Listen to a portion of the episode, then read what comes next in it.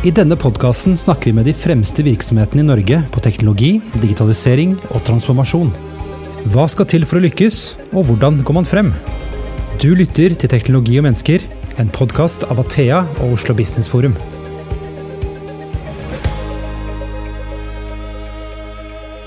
Da er vi endelig i gang med en eh, ny sesong, eh, og denne sesongen har vi kanskje den beste lineupen noensinne, med spennende gjester, caser og historier som forhåpentligvis vil inspirere deg og bygge kunnskap. Den beste læringen kommer jo fra de eh, som har fått til noe med teknologi og mennesker. Mitt navn er fortsatt Christian eh, Brostad. Denne uken skal vi se på hvordan det står til med AS Norge når det kommer til transformasjon, digitalisering og omstilling. Forrige måned la Abelia frem årets eh, omstillingsbarometer, som sier noe om hvordan Norge gjør det på omstilling sammenlignet med andre land. Og jeg må innrømme, etter å ha lest rapporten, at man kan bli litt depressiv, men heldigvis er det, noe, er det ikke så helsvart. Vi skal dykke ned i funnene eh, i rapporten og snakke om hvordan vi kan få fart på omstillingen av AS Norge. Ukens gjester, eh, og nå har vi toppa laget her eh, i starten, det er Tone Ville, som er konsernsjef i Posten Norge. Som jeg leste er Norges eldste virksomhet, med 375 år på baken, og med en enorm innovasjonskraft. Ikke dårlig, Tone? Nei? Ja. Og så har vi Øystein Eriksen Søreide, som er administrerende direktør i Abelia. Velkommen til dere. Takk skal du ha. Takk. Jeg tenkte vi skulle starte med deg, Øystein. fordi vi kan kanskje ikke forvente at uh, alle våre lyttere har fått med seg hva omstillingsbarometeret er. Kan ikke du ta litt om det? Det skal jeg si litt om. Vi har de siste årene lagt det frem i forbindelse med Arendalsuken. Eh, og eh, hva er dette? Jo, vi er jo opptatt av omstillingen av Norge. Vi ser at Norge trenger omstilling. Vi har levd godt i mange år på særlig visse industrier og bransjer. Det kommer vi helt sikkert tilbake til. Eh, og vi skal ha nye ben å stå på. Noe er per definisjon ikke fornybart, vi har en klimakrise, vi har en eldrebølge, vi har mange grunner til at Norge må omstilles. Og Da har vi eh, sett på en del faktorer som er viktige for et lands omstilling. Og så er det sånn at Vi ser da på Norge sammenlignet med andre land. Det er rundt 30 land som er med i studien, og stort sett av OECD-land, så kall det konkurrentland, som, som, det er naturlig å, å sammenligne eh, seg med. Og Hvis jeg skal ta raskt de faktorene vi ser på, så er det altså humankapital, altså kompetanse og, og, og det.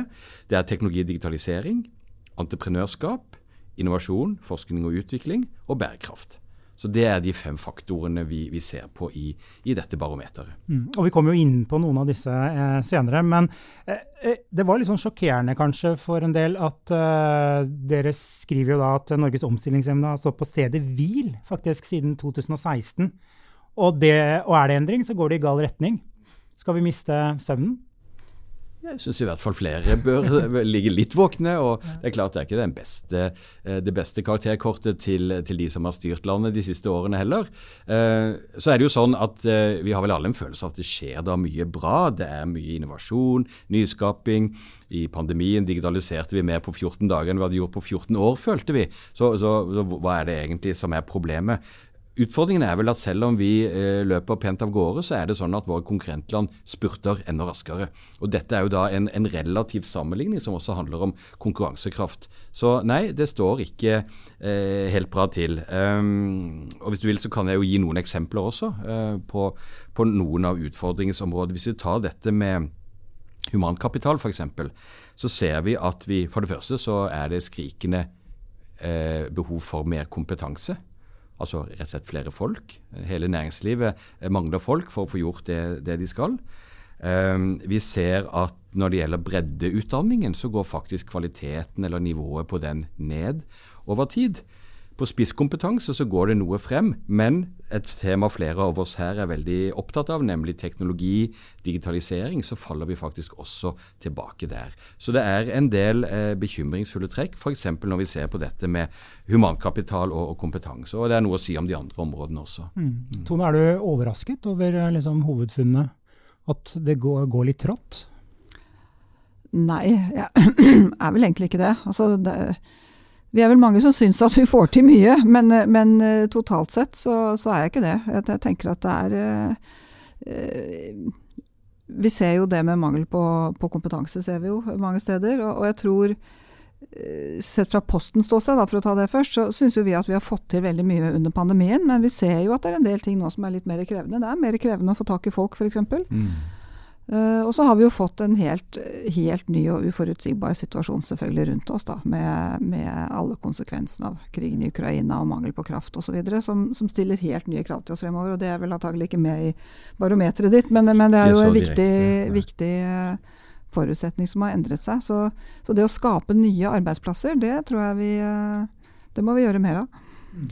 Og så er det jo, altså Når næringsministeren f.eks. Eller, eller statsministeren nå skal forberede oss på statsbudsjettet, som, som snart legges frem, så, så, sier de jo allikevel at Norge går så det griner.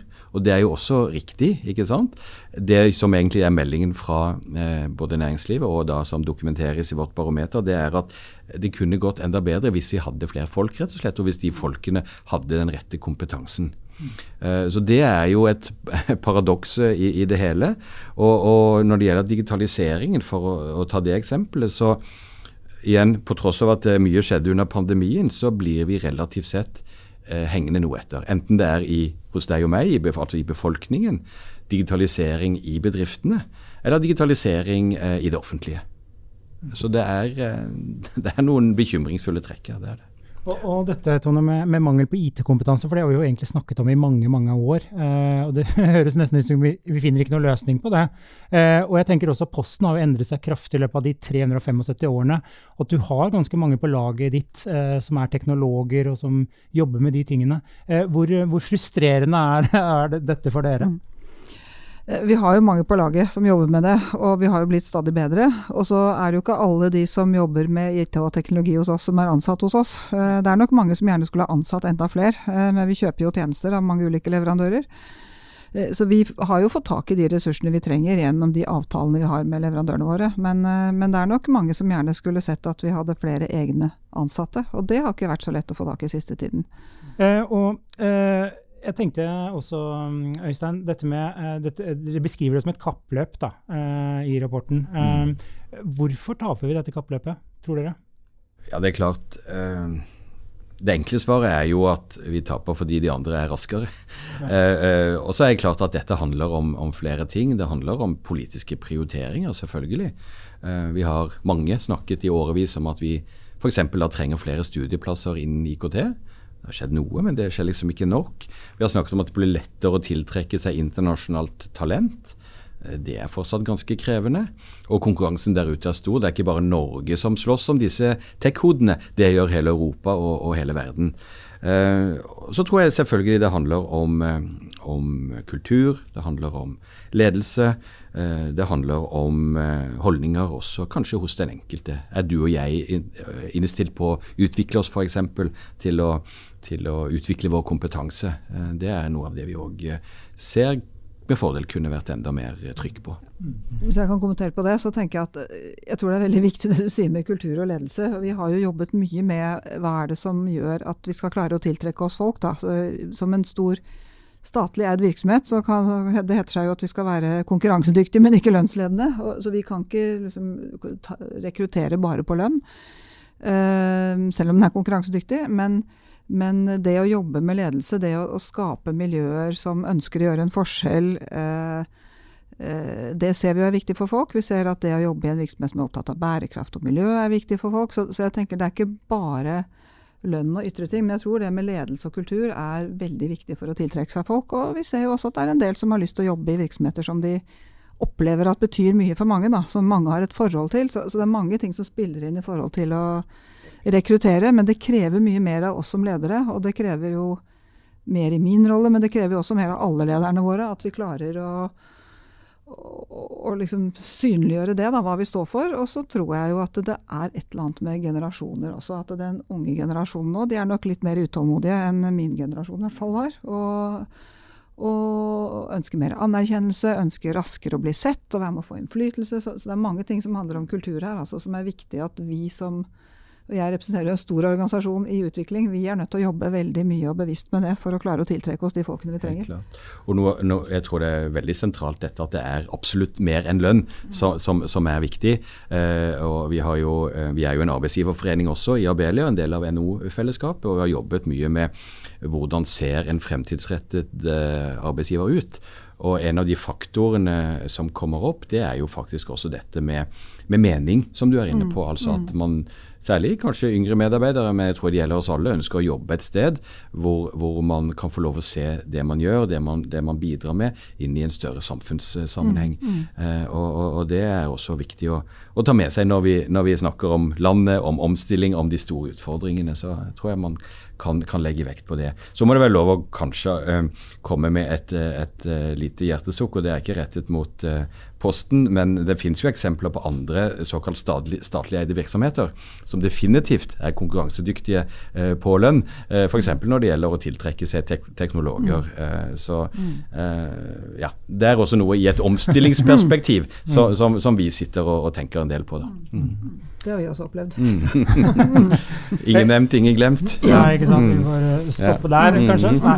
Eh, men en ting som, i hvert fall som jeg hørte under pandemien, er jo at pandemien eskalerte jo digitaliseringen i samfunnet. Men allikevel så vi, finner vi ikke da det igjen i det barometeret du kom med. Var, var det egentlig bare altså, Elevene eh, fikk jo hjemmeundervisning. Eh, vi som har kontorarbeidsplass, vi klarte å jobbe hjemmefra. Men var det der det stoppet, da? Jeg har ikke sånn håndfaste bevis på, på, hva som har skjedd og ikke skjedd, og hva vi faktisk har fått til. Men det kan jo være en opplevelse av at vi jo, vi klarte å komme oss på, på, digitale møter, og det gikk veldig greit. Vi hadde i utgangspunktet en, en, godt utbygd infrastruktur. Store deler av det offentlige var bra digitalisert allerede. Så i motsetning til en del land, så klarte vi med ganske raske og gode grep å få ting til å, til å fortsette. Men det klarte jo etter hvert de andre òg, og så tror jeg nok at det er eksempler på eh, trenger ikke gå lenger enn til resten av Norden, men, men også andre land som nok også bruk, brukte Eh, pandemien som en, enda mer av en omstillingsimpuls, også som tok enda tøffere grep. EU eh, e f.eks. i stort så snakket man jo om, om denne omstillingen og, og det krisepakkene måtte være både grønne og digitale. Og det var veldig sånn klart, eh, en klar marsjordre fra, fra kommisjonen der, mens kanskje vi i litt for stor grad brukte anledningen eller brukte pengene våre til å på en måte kjøpe oss ut av de utfordringene vi sto i, et stykke på vei. Mm. Mm. Og Tone, hvordan var, var, pandemien for dere? Nei, Jeg har lyst til å kommentere bare på én ting som Øystein sa først. For vi er jo, Det er sikkert riktig det du sier om omstillingsmidler i EU, men vi er jo veldig digitalisert i Norge sammenlignet med mange andre land når man beveger seg ned mot Tyskland osv., så, videre, så så opplever man jo at ting fungerer på en helt annen og mindre effektiv måte enn her, da, sånn digitalt. Så det er litt rart. Men Derfor, derfor det, er ikke, si det, det, er jo ikke det at vi sier at Norge er dårligere, men vi har vært helt i topp på mm. de fleste av ja. parametrene under teknologi og digitalisering, ja. men er i ferd med å miste det forspranget. Ja. og i en konkurransesammenheng er det, mm. det, er jo da en utfordring. Mm. Nei da, man skal ikke hvile på sine laurbær selv om man ligger fremme. ikke sant? Nei, Vi har jo opplevd, som alle andre sikkert, at det ble en rask eh, digitalisering på en del områder. Vi var jo akkurat i ferd med å rulle ut Teams og hadde jo laget et sånt opplegg med sånn train the trainer og hvor lang tid vi skulle bruke på det, og så var jo det gjort på en uke, liksom. Mm. Uh, vi har jobbet mye med teknologiutvikling på andre områder også. Under pandemien var det faktisk litt lettere å få tak i folk, vil jeg si. Um, så vi har gjort mye med digitalisering både av verdikjede, tjenesteutvikling og, og, så har vi jo først og fremst sett at netthandelen har økt helt enormt. Vi hadde 79% vekst i pakkevolumene våre i de to årene som pandemien varte. Uh, så det er klart det, det er jo noe av det jeg er veldig stolt av at vi faktisk har klart å håndtere på en god måte med Eh, alt det som var av smittevern og levert med god kvalitet. Og vi har også klart også raskt, særlig på begynnelsen av pandemien, vil jeg si, å hive oss rundt og få til nye løsninger også digitalt. F.eks. at det var kontaktfri levering. At du fikk sendt en SMS til mottaker som de kunne signere på egen telefon, så ikke alle måtte ta på den samme devicen. og vi fikk til hjemlevering av matvarer sammen med Coop. Vi lanserte en markedsplass med si, kortreist mat i Oslo, uh, Amoy som det heter. Så, så, vi fikk gjort veldig mye sånn tidlig i pandemien, og så fikk vi satt i gang en del ting. Uh, så jeg syns vi har uh, For oss så var nok det en, en boost i omstilling. Altså jeg tror vi hoppet tre til fem år frem i volumprognosene våre, og det medførte jo en rekke andre tiltak, da. Men det er jo om å gjøre å holde farten oppe nå på de tingene som vi var raske på, som vi var fornøyd med. At vi fortsetter den utviklingen. For mange så nok at de, at de eh, da faktisk relativt raskt var nødt til å se på forretningsmodellen. Se på hvordan leverer vi varer og tjenester, eh, gjøre det på nye måter og iverksette det veldig raskt. Og, og det, det, utfordrende og spennende vil jo være om kan vi klare å ta med oss noe av den utålmodigheten, da, også videre, mm. eller er det nå litt opportunt og behagelig å falle tilbake til litt sånn mer forsiktig tilnærming? Vi har jo Pandemien var en stor utfordring. Klimautfordringen er ikke mindre, eh, for å si det forsiktig.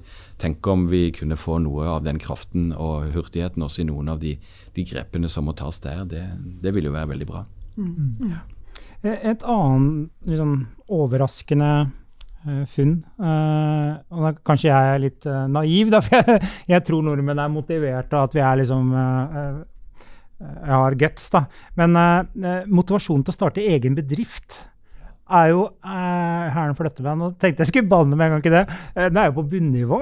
Eh, er vi så mindre motiverte enn de, uh, de nordiske landene og de andre landene dere har med i, undersøkelsen? Ja, faktisk. Og dette, dette er jo både interessant og, og, og, og skal ikke si uforståelig, men, men, litt vanskelig å få grep på.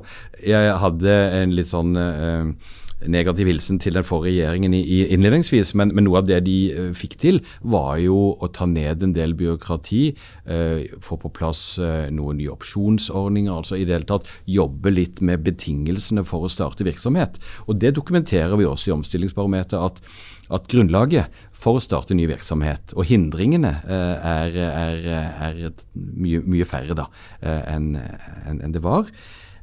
Men allikevel så er motivasjonen blant eh, holdt på å si deg og meg, og altså folk som kunne tenkes å starte virksomhet, den er lav sammenlignet med resten av Europa og resten av Norden. Og hvorfor er det sånn? Det kan man jo spekulere litt på. Kanskje har vi det veldig godt, kanskje er det en for enkel forklaring. Men vi ser i hvert fall at det er en påtagelig forskjell der. Det er, litt, det er jeg litt overrasket over på mange måter. Men jeg lurer på, handler det om risikovilje og evne til å skalere ideer til noe større, eller handler det faktisk om viljen til å prøve? For jeg syns jeg ser jo mye rundt oss av oppstartsmiljøer. Noen kommer til oss og spør om vi er interessert. Vi etablerte jo en venturesatsing for noen år siden, så vi har gått inn og investert i en del mindre virksomheter som er i veldig tidlig fase. Da. og jeg syns vi ser at blant, når vi får tak i unge, flinke folk som vi gjerne vil holde på en stund, så er det mange av de som heller vil jobbe i en startup. Uh, og vi har jo dialog med en del sånn startup-miljøer, akseleratormiljøer og sånn, så jeg, jeg syns jo det virker som det skjer så mye. Men, og det er åpenbart at det eh, gjør det. klart De som da er i en startup, mm. de, de, er jo det, og de har mm. startet. De er blant de mm. som har vært motivert og, og tatt skrittet. Mm. Men, men, men, sånn relativt sett så er det altså en for liten andel tilsynelatende eh, som uh, utfordrer seg selv og omgivelsene til å, til å kanskje gå ut av den eh, trygge tilværelsen de har, som de jo tross alt er, å være ansatt i et stort og solid norsk selskap med fast inntekt og en ekstra ferieuke osv., eh, opp mot den usikkerheten som selvfølgelig ligger i å, i å starte noe, noe nytt.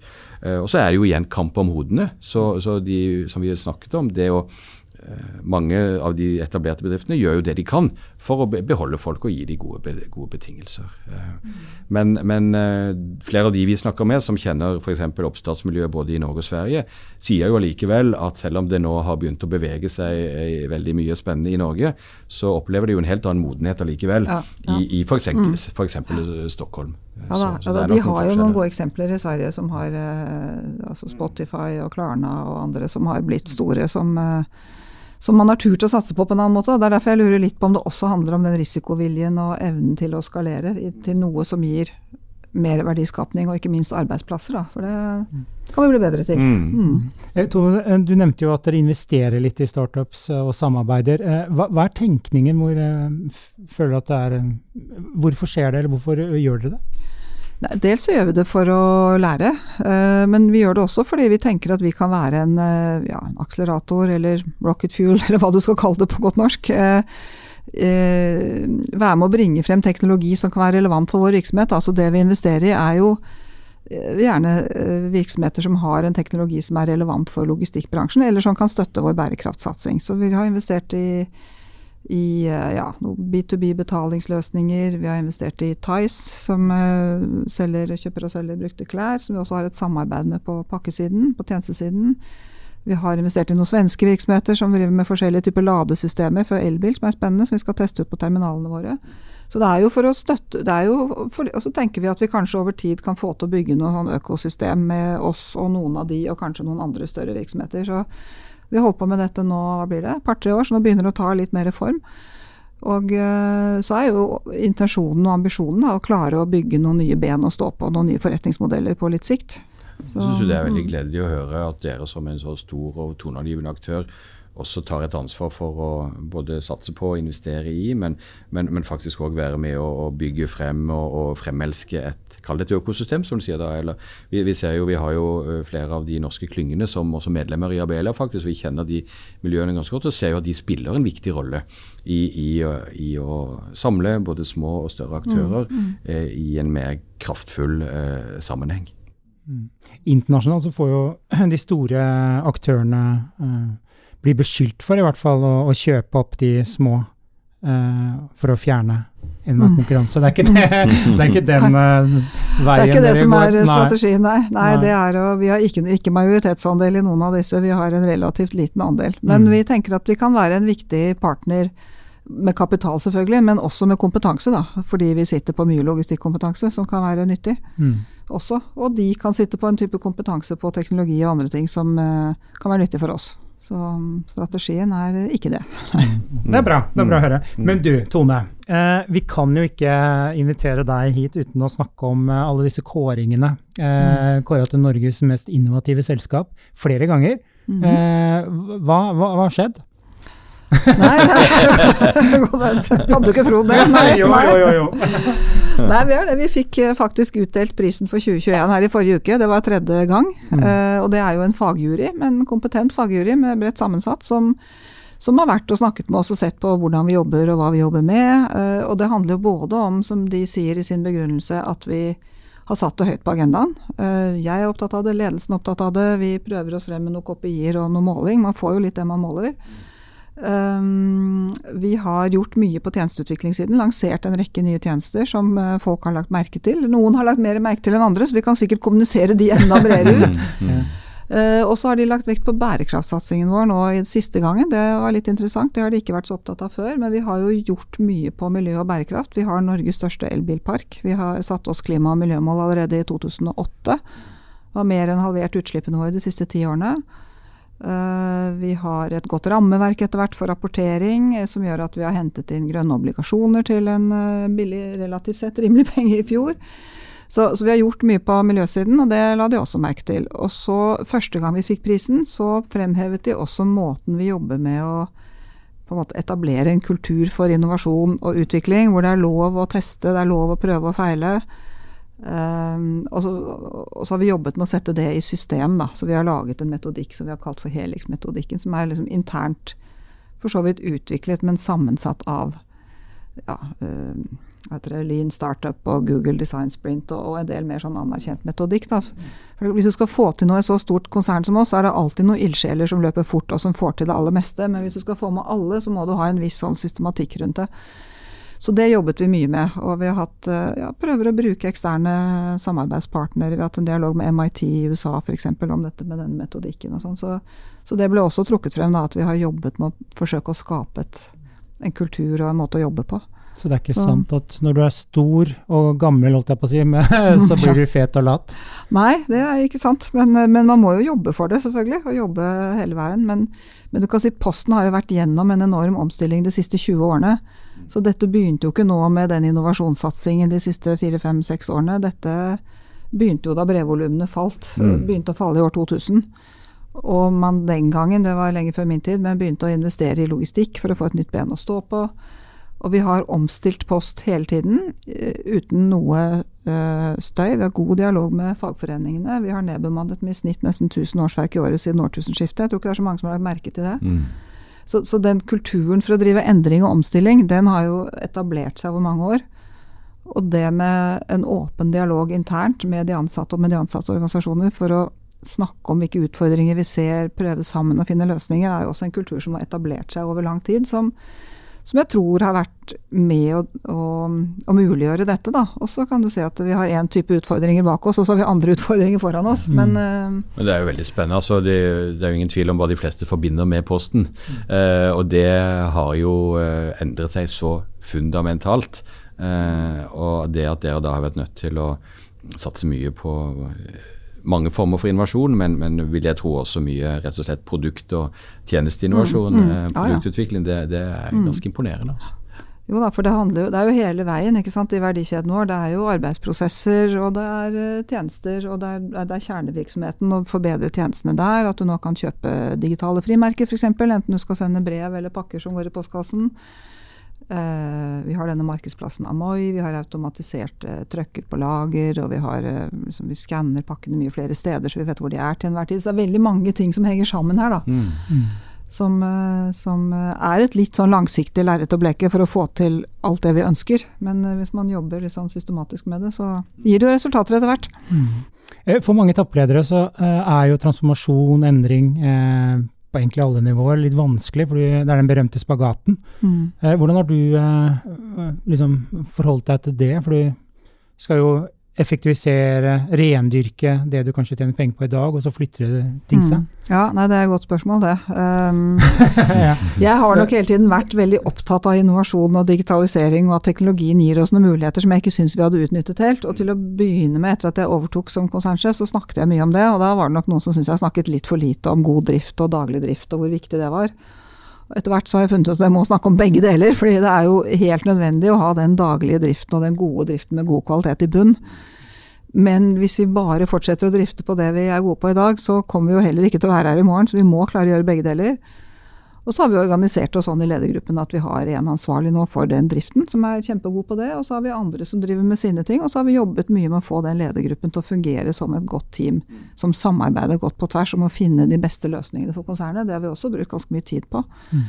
Så mm, ja, det blir litt sånn spagat, men uh, man må liksom prøve å ha flere tanker i hodet samtidig, da. ja.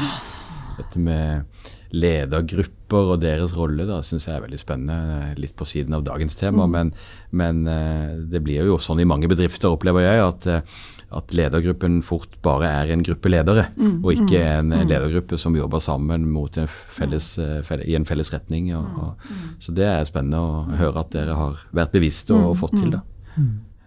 Eh, og så er det jo eh, jeg leste i researchen her at dere opprettet jo en sånn innovasjonshub i 2018. Mm, um, hva er liksom tanken, er, er, det noe som ligger utenpå organisasjonen, eller er det en del av organisasjonen? Fordi det er mange virksomheter som har ulike modeller her på hvordan man eh, velger å jobbe med digital innovasjon. Ja. Hva er det dere har gjort? Det, har en, det, har vært en, del av organisasjonen. Um, men de har jo likevel vært litt sånn på siden av kjernevirksomheten.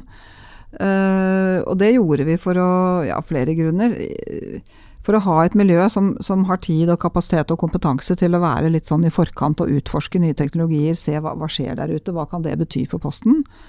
Uh, det har jo også etter hvert vist seg at det var en, en, god måte å tiltrekke seg en del nye typer kompetanse på, som, fordi vi hadde klart å lage et fagmiljø.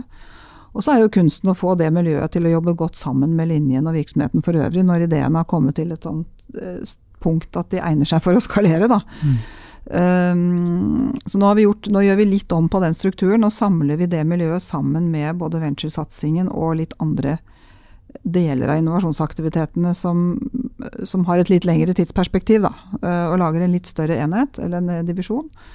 Uh, samtidig som det jo er utrolig viktig at kjernevirksomheten fortsatt utvikler seg. Men man ser jo ofte i store organisasjoner i hvert fall, at de som jobber i kjernevirksomheten med de tradisjonelle tjenestene og produktene, de, blir jo veldig opptatt med daglige ting. Så det å, å liksom prioritere både økonomisk og tidsmessig ting som ikke gir inntjening før om et par, tre, fire, fem år, det er ikke så lett å få til. Altså. Så vi, vi, prøver oss nå med en litt tyngre satsing, litt sånn på siden av kjernen. Da.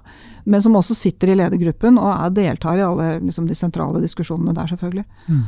Og det er jo godt nytt for omstillingsbarometeret neste år, kanskje? Det, ja, det, det, det, det vil jeg jo si, så, så her må vi jo spre det glade budskapet om hva, hvor klokt man tenker i Posten. Uh, så det er på flere nivåer vi må få til det, absolutt. Mm. Det er jo viktig både Jeg er selvfølgelig veldig opptatt av hva vi gjør i Posten, for jeg syns det er viktig at vi får til noe, og det er viktig at store virksomheter får til noe, men det er jo utrolig viktig med den underskogen av mindre virksomheter og nystartede virksomheter å skape noe helt nytt òg. Altså, så man må jo gjøre begge deler, da. Ja. Det var jo fristende å dra analogien fra liksom, den ledergruppen til eh, regjeringen som en ledergruppe, og hvordan kan, kan, de klare å ha et sånn felles prosjekt. Uh, og Vi mener jo at uh, omstillingen av Norge er det store prosjektet. Uh, og så er det litt sånn i Norge at vi er fortsatt nokså siloorientert. Eh, og det er vanskelig å få disse kraftsamlingene som krever at man, man har en felles retning på tvers. Så det, det er en utfordring som her ved, Kanskje de må komme på kurs hos dere ja. i Posten. ja. Du får foreslå det, du. ja, vi, vi, vi, får se. Ja. Mm. Ikke se bort ifra, men dere forholder dere vel til et departement mm. uansett. Det er vel sånn. Ja da. Ja. Opptil flere. Ja. Opp flere ja. eh, Tone, du, du, var så vidt innom det, eller egentlig begge to, eh, tidligere dette med, med, mm, transformasjonsledelse, det med omstilling eh, osv. Fordi jeg tror det er vel Det er sikkert en del selskaper som, eh, som sliter litt med dette, hvordan man skal eh, liksom rigge det, hvordan skal man tenke eh, som toppleder da, eh, for å få hele selskapet som er relevant i morgen, sånn at det har en mm, business i morgen. Mm. da. Eh, hva, hva, er liksom tenkningen? Har du noen filosofi, eller er det et eller annet som liksom ligger bak der hos deg? ja, ja og nei, kan jeg vel si. Men, men vi, jo, vi, feirer jo 375-årsjubileum i år. Og det det at vi har vært her så lenge og er der vi er nå, det er jo fordi vi har vært i konstant endring. Eh, vi ga ut en historiebok om Posten for noen år siden som viser at Posten har jo Det er en slags sånn rød tråd, da. At vi har vært eh, raskest mulig levering med til enhver tid gjeldende teknologi, har liksom vært viktig i Posten. Mm. Eh, så vi var første som hadde dampskip i Norge, og første på den første kommersielle flyruten. Og vi har liksom vært i forkant hele tiden. Og så blir jo det stadig vanskeligere, selvfølgelig, men det er et eller annet med at det ligger noe i kulturen tror jeg, som jeg har tenkt at det er viktig å bygge på. Så jeg har jo hele tiden snakket om at vi må fortsette å utvikle oss. Eh, vi har utviklet oss i eh, ja, nå 375 år, da. Mer de siste 20 enn de første 350 ish. Og jeg tror de største endringene ligger foran oss. Og det har jeg snakket om hele tiden. At vi må endre oss og utvikle oss for å være relevante også i fremtiden. Så jeg tror det å eh, være opptatt av det og snakke om det, og, og snakke om hvorfor, og det har jo innimellom vært litt utfordrende. Ikke sant? Nå under pandemien så hadde vi rekordhøye resultater. Da er det kanskje litt vanskeligere å skape den der forståelsen for at vi må fortsette å tenke nytt. Men jeg får nok mye drahjelp av den kulturen som er lagt av mine forgjengere òg, for at Posten har vært gjennom så store endringer. Så vi har jo veldig mange flinke ledere på mange nivåer som er gode til å gjennomføre endring. Og så er det en litt annen type endring fremover, for historisk har det vært mye snakk om å nedbemanne og omstille tjenestetilbud i Post. Fremover så blir det jo snakk om å, å, tørre å investere i nye forretningsmodeller og gjøre nye ting. Men, men, jeg tror det handler mye om å mm, snakke om det, forklare hvorfor vi tenker sånn, begrunne, sørge for at folk forstår hele veien ut. da. Og det er vel sikkert eh, fortsatt litt å gå på. Og så er det noe med at folk eksternt også skal forstå. Uh, selvfølgelig. Men uh, ja, jeg tror ikke jeg har noe bedre svar enn det. Nei, men det er jo gode, gode innsikter, det. Jeg tenkte kanskje den største konkurrenten til å få til endring er vel Assis. Du sier at dere hadde rekordresultater osv. Mm, mm. eh, og så tenker jeg også på det med entreprenørskap som dere avdekket i omstillingsgreiene. Dette med skalering som du var innom, Tone. Mm. Uh, dette er kanskje ikke de beste egenskapene i den norske befolkning. Hvis, Nei, og vi altså- er, Det tror jeg er menneskelig òg, da. Å liksom søke trygghet. Og at vi, vi, er, eh, vi trives best med, med det kjente. Mm. Og, og, det gjelder jo oss som enkeltpersoner, og det kan gjelde bedrifter. Og det kan jo, kan jo gjelde hele landet òg. Og så er det klart det er noe med å bygge på det man er god til fra før. Og jeg tror det er en, en klokskap i det. Samtidig som Uh, igjen da, For å ta liksom, Norges utfordringer. Vi, vi, møter jo det veldig tydelig nå at uh, det er ganske store grep som skal tas. altså Olje- og gassindustrien er så uten sammenligning den mest uh, lønnsomme næringen vi har, og som vel er tenkbart at vi skal få også. Altså Verdiskapingen per ansatt er dobbelt så stor, minst, som i den neste bransjen man, man kunne mm. se på. Det er faktisk eh, IKT, teknologi, rådgivning som, som, er nummer to på den listen. Vi tenker jo at man skal, skal vri det i den retningen, eh, men det er klart at her må man finne mange nye ting eh, å skape jobber av, skape forretninger av i fremtiden. og Da trenger vi at vi klarer å riste oss selv løs litt fra disse vante eh, måtene eh, å, å, å, gjøre ting. Ja, du var jo innom det med altså, hva burde regjeringens omstillingsprosjekt være? Mm. Altså, sånn AS Norge må jo omstille, og, og, vi må jo få til en grønn omstilling. Og så er det digitale en viktig del av det, tror jeg. Klart. Men det å klare å omstille Norge nå i den klimakrisen vi står i, til noe grønnere, med nye arbeidsplasser. Du så jo hva vi klarte da vi bygget opp oljeindustrien. Altså, det bør jo være mulig å tenke at vi kan eh, bygge på den erfaringen og bygge nye ting. da, Være seg eh, havvind eller andre ting. Definitivt. Men det, det, jeg tror, og det er helt riktig, og, og jeg, jeg, tror som sagt på at vi bygger på den kompetansen og erfaringen eh, vi har som land og som, som industri. Eh, men, men, vi er jo, altså disse oljeplattformene er jo store og tunge og skal slepes ut i Nordsjøen osv. Vi er veldig glad i, tror jeg, det som er liksom veldig håndfast og, og synlig. Men én ting er nå det å bygge en vindmølle f.eks., men, men det som jo faktisk kan skape den store verdien, og som vi kan også bygge på og utvikle tjenester på, det er jo hvis vi klarer å utnytte nettopp dataen og, og, og se på digitaliseringsmulighetene som, som, genereres også av de nye, de nye industriene, de nye, nye verdikjedene. Eh, det blir kanskje litt glemt, og det er også litt vanskelig, litt mindre håndfast å forholde seg til. Men en ting er om vi klarer å få et Spotify og et Klarna, men innenfor industrien og det å utnytte data der, tror jeg kan være et eksempel på et område hvor vi har store muligheter. Men, men da må vi gripe det. og både se det og, og utvikle den kompetansen eh, vi trenger på, på teknologifeltet. Hvor mange ganger har du hørt at data er ny oljen? Vi, har både, vi, har nok både hørt og sagt, og så, det, men, men, det, men, det, ligger i det jeg sier at jeg tror ikke det er noe som kan, kan sies å være den nye oljen. Den nye oljen er, er antagelig mm. mange ulike ting mm. eh, innenfor ulike industrier, men, men eh, at vi må eh, klare å finne nye, nye, ben å stå på, det, det, er jo lett å bli enige om. Også vår overlevelse krever det eh, jo mm. også. Mm. Ja, for det er jo sånn uh, at vi, vi mangler veldig store fellesprosjektet i Norge? Jeg klarer ikke å se det. Tone, hva kan du si? Siden du må uh, Nei, altså jeg tror jo det, Overordnet så tror jeg jo det handler om grønn omstilling. Altså vi må, vi må bort fra den vi, vi, må over til en uh, netto, null, uh, netto nullutslippssamfunn. Mm. Innen, innen, 2050 er jo liksom de offisielle målene. Men, men vi må jo gjøre mye allerede før 2030. Og da må vi jo velge oss uh, noen områder som er viktige. Jeg tror jo personlig at altså, kraftforsyning er viktig, havvind er viktig. Uh, da må vi få fart på liksom, konsesjonsprosesser og alt som trengs rundt det. Elektrifisering er viktig. Uh, nå er det en helt spesiell situasjon i, i kraftmarkedet nå, men, men, vi trenger jo mer kraft uansett. Så, så, det å få fart på det tror jeg er viktig. Og også for å videreføre en del av de arbeidsplassene vi har. Norge er jo verdensledende på teknologi på en del områder, så, men mye av det er kraftkrevende. Så, og jeg er helt sikker på at vi kan klare å utvikle nye områder også, som du sier, bruk av teknologi på, på nye måter. og det er, eh, det er, sikkert du bedre på enn meg å se hva, akkurat hva det skal være. Men, jeg vet ikke det, men, men i, hvert fall, i, hvert fall, så, så altså, jeg er viktig for meg å si at vi, vi sitter ikke og sier liksom, nei til olje og gass, eh, men vi, sier, ja, vi må også si ja til de andre tingene. og Vi må passe på at at både verken kapitalen eller kompetansen låses inne da, i, i, i, de tingene vi har holdt på med, men at det også får insentiver til å, å vri eh, innsatsen i andre, andre, retninger. Og Vi har bare så mange teknologer, så mange ingeniører, eh, sånn som det ser ut nå. Vi må ta noen grep for å både øke det, men også sikre at de også uh, er tilgjengelige for de, de fremadrettede og fremadskuende prosjektene. Mm. Elon Musk er jo positiv til olje og gass en tid til. Så. Mm. Ja. vi kan jo, det er vel ikke sånn at, eller det er jo ikke sånn at vi kan skru av alt det i morgen. Nei, da, det, det klarer det. vi jo ikke på noen måte. Altså, nå er det jo blitt ytterligere dilemmaer rundt det. Men, eh, men, vi må jo lage en plan for hvordan vi skal komme dit. Mm. Og gjøre det mest mulig effektivt inntil vi har funnet nok annen energi. Og, og bygget ut, ikke minst. Mm. ja. Nei, Det må skje balansert, men, men, vi må ha trykk på det. Det må i hvert fall ikke bli sånn at vi, enten det er gjennom krisepakker eller på andre måter, låser inne da, eh, ressursene et ett sted. Det, Nei. Nei, da, de, det er noe, kanskje noe av det vi ser også som bakteppe for omstillingsbarometer. og Jeg var litt inne på det, at vi har kanskje ikke vært flinke nok til å bruke noen av disse krisene også som en omstillingsimpuls. Da. Mm. Mm.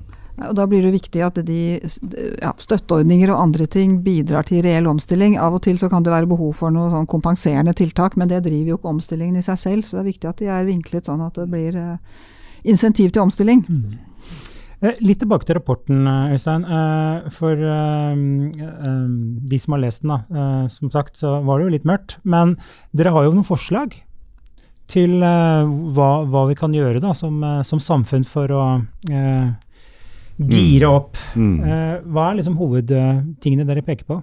Ja, som sagt, er, det, jo, det er jo fem faktorer vi ser på i, i dette barometeret, og det er mye, mye, å ta fatt i der. Men, men hvis jeg skulle zoome inn på på kompetanse igjen, da, så, så opplever jeg at eh, her må det virkelig et krafttak til. Eh, vi må eh, få flere av disse studieplassene.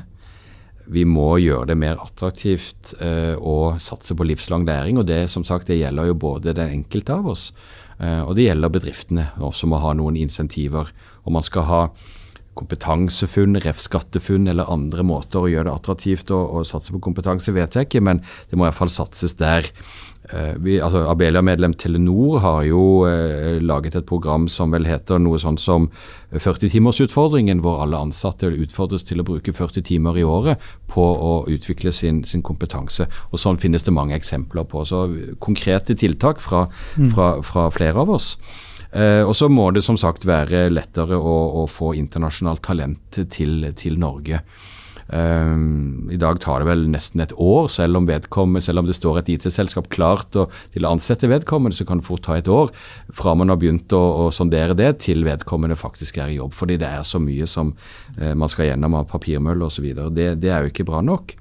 Og så tror jeg, og det er jo kanskje apropos velferdssamfunnets bærekraft, og, og, hvor vi også kan hente ressurser, så tror jeg at dette med inkludering, det er rett og slett å få det er vel 500 000-600 000 nordmenn i arbeidsfør alder som står utenfor arbeidslivet, og så klare å inkludere flere av dem, tror jeg faktisk er en del av den eh, måten å løse kompetansegapet på som vi skal, skal snakke en, enda mer om. Det må bli rett og slett lettere å, å få, et, eh, få innpass i næringslivet igjen, også for de som har stått utenfor en stund. Så, så, På kompetanseområdet i hvert fall så, så, er det noen av de tingene jeg ville løfte frem som, bør, som bør prioriteres eh, fremover. Så har det vært noen eh, tegn til hvileskjær på forskning og andre liksom, gr grunnlag, for, eh, grunnlag for den nettopp nye verdiskapingen. Det å finne nye ideer, nye forretningsmuligheter. Da trenger vi forskningen, både grunnforskning og anvendt forskning. Eh, og Tegn på at man liksom nedprioriterer det, det er vi jo heller ikke tilhengere av, for, for, å si det litt forsiktig. Ja, veldig enig i det du sier med livslang læring. Vi har faktisk også et sånn 40 timer smartere opplegg. Ja. Eh, klart, vi, vi, er 12 500 ansatte, og vi trenger jo en del ny kompetanse. Noe av den må vi hente utenfra, fordi det er en eh, spesialteknologikompetanse osv. Men mye handler jo om å utvikle de folkene vi har. Ja. Og så spørs det igjen, da. Eh, våre ansatte, eh, deg og meg for den saks skyld, er vi motivert? Orker vi prioritere det? Jeg har lenge tenkt at jeg burde, burde brukt noe mer tid på TikTok? På, på, kanskje ikke TikTok, men kanskje skulle jeg lære meg litt mer om AI, altså kunstig intelligens, eller, eller liksom, bruke noen timer på å gå litt inn i noen ja. temaer som vi sitter her og snakker mye om, men, men som uh, kan være greit å bruke noe mer tid på. Ja, da er jeg enig i det. Så. Det er også en del ting som jeg kunne tenke meg å lære litt mer om, som ikke alltid får prioritet. Men uh, nysgjerrighet er også en god egenskap. Definitivt. Prøve å tilegne seg noe, i hvert fall. Definitivt. Mm. Mm. Eh, Tone, hvis vi nærmer oss uh, vi skal inn for landing her. Uh, hvis vi skulle eh, adressere noe til politikerne Nå kommer det jo statsbudsjett. Jeg regner med at vi får ikke løst så mange problemer der, kanskje. Men eh, hvis vi skulle bestille noe fra, fra det offentlige Norge, liksom, politikerne våre, hva, hva, ville du Hva bør de vektlegge? Da er det nok litt tilbake til den grønne omstillingen. altså Det å ha en tydelig og konkret plan for hvordan vi skal få til det, med reelle insentiver til omstilling, det tror jeg er viktig. Uh, og det kan være innenfor energiområdet, det kan være innenfor ja, en ting jeg er opptatt av, er jo eh, nasjonal ladeinfrastruktur for tungtransport, f.eks. Som uh, tilgang på strøm. Der er det mange forhold rundt det som jeg kunne tenke meg. Så en sånn litt sånn ambisiøs og modig og veldig konkret klimaplan kunne jeg ønske meg. Mm. Eller plan for grønn omstilling. Mm. mm. Jeg var jo frempå på med noen utfordringer, men, men, hvis jeg får lov, så har jeg, har jeg et par til. og uh, Det ene er nå det helt grunnleggende. altså Vi må vi må ha verdens beste skole. Rett og slett. Altså, det er jo der hele grunnlaget legges for uh, de som skal skape nye bedrifter i fremtiden. De må, de må rett og slett komme ut av, av norsk skoleverk best mulig rustet. Og så er du inne på dette med infrastruktur. Ehm, vi tror, og igjen, vi ligger ganske godt an og har ligget godt an eh, på det parameteret internasjonalt, altså med tilkoblingsmuligheter og bredbånd og sånn. Men, men, fortsatt så er det jo 10% av norske husstander og bedrifter som ikke har eh, godt nok nett til å ta rett og slett ut det potensialet som ligger der. Det er en enkel ting. Det koster røftlig en milliard i året i tre-fire år, eh, som, eh, som, kunne gjøres, og regjeringen kunne ta oss inn i gigabit-samfunnet. Mm. Sørge for at ikke det heller er noen, eh, noen hindring. Og så er det muskelen som ligger i offentlige anskaffelser. Eh, 650 mm. ja. milliarder kroner i året. Det å etterspørre nye løsninger, nye måter å gjøre ting på, det er det en enorm endrings- og innovasjonskraft i. og Der trenger vi vel også litt mer risikovilje i det offentlige. En offentlig leder måles ikke på fail fast, eller hva vi nå snakker om i, i næringslivet, men, men, hvordan kan man klare å også skape nye ting ved at det offentlige etterspør nye løsninger, ikke bare akkurat den samme tjenesten eller det samme produktet man kjøpte i fjor. Med tydelige miljøkrav. Med tydelige miljøkrav og alle de andre mm. parametrene som bør være mer. Men selv i det offentlige så får man kanskje inntrykk av at det er at pris veies litt for tungt. Da. Ja, det er helt enig. Mm. Mm. Der har jo Vestre signalisert at de skal se på dette med innovative anskaffelser. Ikke sant? Mm. mm. mm. Så det kan hende det bedrer seg. Mm. Jeg ser du har ett punkt til, eller? ja, jeg, altså, ja. Vi, vi kunne, jo, kunne jo også peke på rett og slett den der viljen til Samarbeid. altså uh, Bærekraftsmål 17 handler rett og slett om samarbeid. Vi får mm. ikke dette til alene eller som enkeltvirksomheter. og At vi da slutter å ha en sånn kunstig motsetning mellom uh, hva det offentlige eller offentlig eide selskaper og kontra andre private aktører og ideelle for den saks skyld skal gjøre, men at vi spiller sammen og at vi, at vi mm. løser disse utfordringene i fellesskap. Det, det tenker jeg er, er veldig viktig. Ingen tvil om at offentlige må må sette retning, skape rammer, kanskje gi missions, som en del snakker om nå. ikke sant? Eh, de store utfordringene som må løses på tvers, men, men slipp også opp for, uh, for næringslivet i å være med og, og, og, komme med noen av de løsningene som skal til. Tone, er du optimist? Ja, jeg velger å være optimist. Man må jo det. Man må jo ha tro på fremtiden. Men, eh, men jeg tror akkurat når det gjelder klima og miljø, så, så, er vi nok på litt sånn Det er et spørsmål om vi har passert liksom, en tipping point for om det er for sent å gjøre noe. Men vi må jo likevel tro at det nytter å gjøre noe. Så jeg velger å være optimist. Ja. Mm. Og du føyer deg inn i optimist? Ja, det, jeg er det av natur, og jeg syns også heldigvis er det masse positive tegn, selv om vi med vårt omstillingsbarometer sier at noe ikke går raskt nok. Men, men, det er ikke håpløst, og det er ikke sånn at man ikke kan ta fatt i disse tingene. Men det, men det som kanskje skal være aller mest opptatt av, tror jeg, det er jo eh, ser unge mennesker eh, eh, lys på, på, fremtiden? Altså Ser de at det er grunn til å få seg en utdannelse, og tror de at de skal kunne få seg en jobb? Er det mulig å løse disse utfordringene. Enten det da handler om klimautfordringen som du er inne på, eller i det hele tatt eh, den tilliten som vi har bygget opp i vårt samfunn. Den må vi ta vare på. Eh, vi må fortsatt tro på at eh, det er mulig å faktisk få lov å bidra i samfunnet. At man kan ha tillit til det som et ungt menneske, det tror jeg òg er mm. en nødvendig forutsetning for at vi skal fortsatt se noenlunde lyst på, på fremtiden. Tenker vi må sende denne episoden til regjeringen nå. Ja. Så det, kanskje det. det er en lang liste vi har uh, servert nå. Mm. Uh, nå skal vi over til vår faste spalte. IT-blemma. Har gjestene gjort noen store digitale tabber? F.eks. trykket på en link de ikke burde trykket på? Har de blitt hacket? Eller har de rett og slett sendt feil emoji til en kollega? IT-blemma. I ny sesong så må vi ha en ny eh, fast spalte, og det har vi nå. Og nå skal vi faktisk dykke ned i uh, IT-tabber, eller IT-blemma. Uh, og gjestene ser veldig nervøse ut uh, nå, så jeg tenkte kanskje at siden dette er første gang da, i ny sesong, at jeg skulle by på en tabbe. Jeg har masse tabber, da. Men en tabbe som jeg opplevde under pandemien. Da var det jo rett på hjemmekontor og store møter, lange dager med, med Teams-møter. Uh, og spesielt ett møte jeg var på, da, så uh, tok det så lang tid, det var en presentasjon osv., tenkte jeg skulle snike meg unna og hente et glass vann.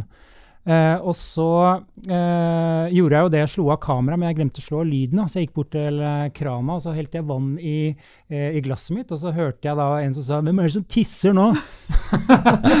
så det, det, er min tabbe, da. Så man vet jo hele Klassiker. Ja. Ja. Mm. Jeg vet ikke hvem av dere som har lyst til å begynne. Nei, altså jeg, her er alt lov, altså. Jeg må jo si at min hovedtabbe akkurat her nå, og hvis jeg er litt nervøs, er ikke fordi at jeg ikke har gjort tabber, for det har jeg, men eh, det var det å, å komme, komme, på det sånn på, på sparket. Jeg gjorde den tabben at jeg, da jeg printet ut uh, ditt lille forvarsel om hva vi skulle snakke om, så, så, så, glemte jeg å se at det var sto ting på begge sider av arket, så det var selvfølgelig en, en veldig banal IT-tabbe. uh, men, men, ellers så, så, kan man vel kjenne seg igjen i, i de der grunnleggende tingene. og manglende backup, f.eks. Det kan gå så langt tilbake som til studietiden, hvor eh, man da var kommet ganske mange sider inn i en eh, større oppgave mm. som skulle leveres. Eh, men hadde man orden på backupen? Nei, det, det var, det var dårlig med det. Det er jo en klassiker. Så etter hvert eh, Jeg har jo også vært, vært politiker en periode, og min byrådssekretær og jeg vi utviklet begrepet Eller vi snakket om Murphy, da. Alle har ikke hørt om Murphys lov, ikke sant. Det som, som kan gå galt, går galt. Så vi snakket om at vi må passe på at ikke Murphy lurer oss. Mm. Så, så, så, da var vi veldig obs på særlig dette med backup før, før viktige opptredener. Ja. Tone, hva er dine avsløringer? jeg har nok uh, feilsendt en og annen mail, uten at jeg kan i farten komme på om noen av de hadde noen alvorlige konsekvenser. Du ble, ble ikke sagt opp, i hvert fall? Nei, jeg ble ikke sagt opp, nei. Uh, nei, under pandemien. Jeg har jo gjort litt som deg noen ganger, men, uh, men jeg tror jeg har husket å skru av lyden, så de har ikke hørt kaffemaskinen i bakgrunnen. Mm. Jeg kan fortelle kanskje om, en, uh, om en, en, en, historie jeg hørte om en annen IT-tabbe. Det var min sønn som var vikarlærer på en skole, og hvor det elever på videregående skole hvor hvor alle var på Teams og ingen hadde kamera på, selv om han hadde bedt dem om å gjøre det. Og så hørte han plutselig liksom lyden av en som staket på ski. men, men jeg har ikke opplevd det selv, da. Nei, Nei, jeg har helt sikkert gjort mange ting som jeg har glemt. Ja. Men, uh, fint å glemme mm. de også, tenker jeg. Men Tone Øystein, tusen takk for at dere kunne være med, og tusen takk til deg som har lyttet på. Du har nå lyttet til Teknologi og mennesker, laget av Athea og Oslo Business Forum. Liker du podkasten, setter vi stor pris på om det gir oss noen stjerner. Og tips gjerne en venn om podkasten.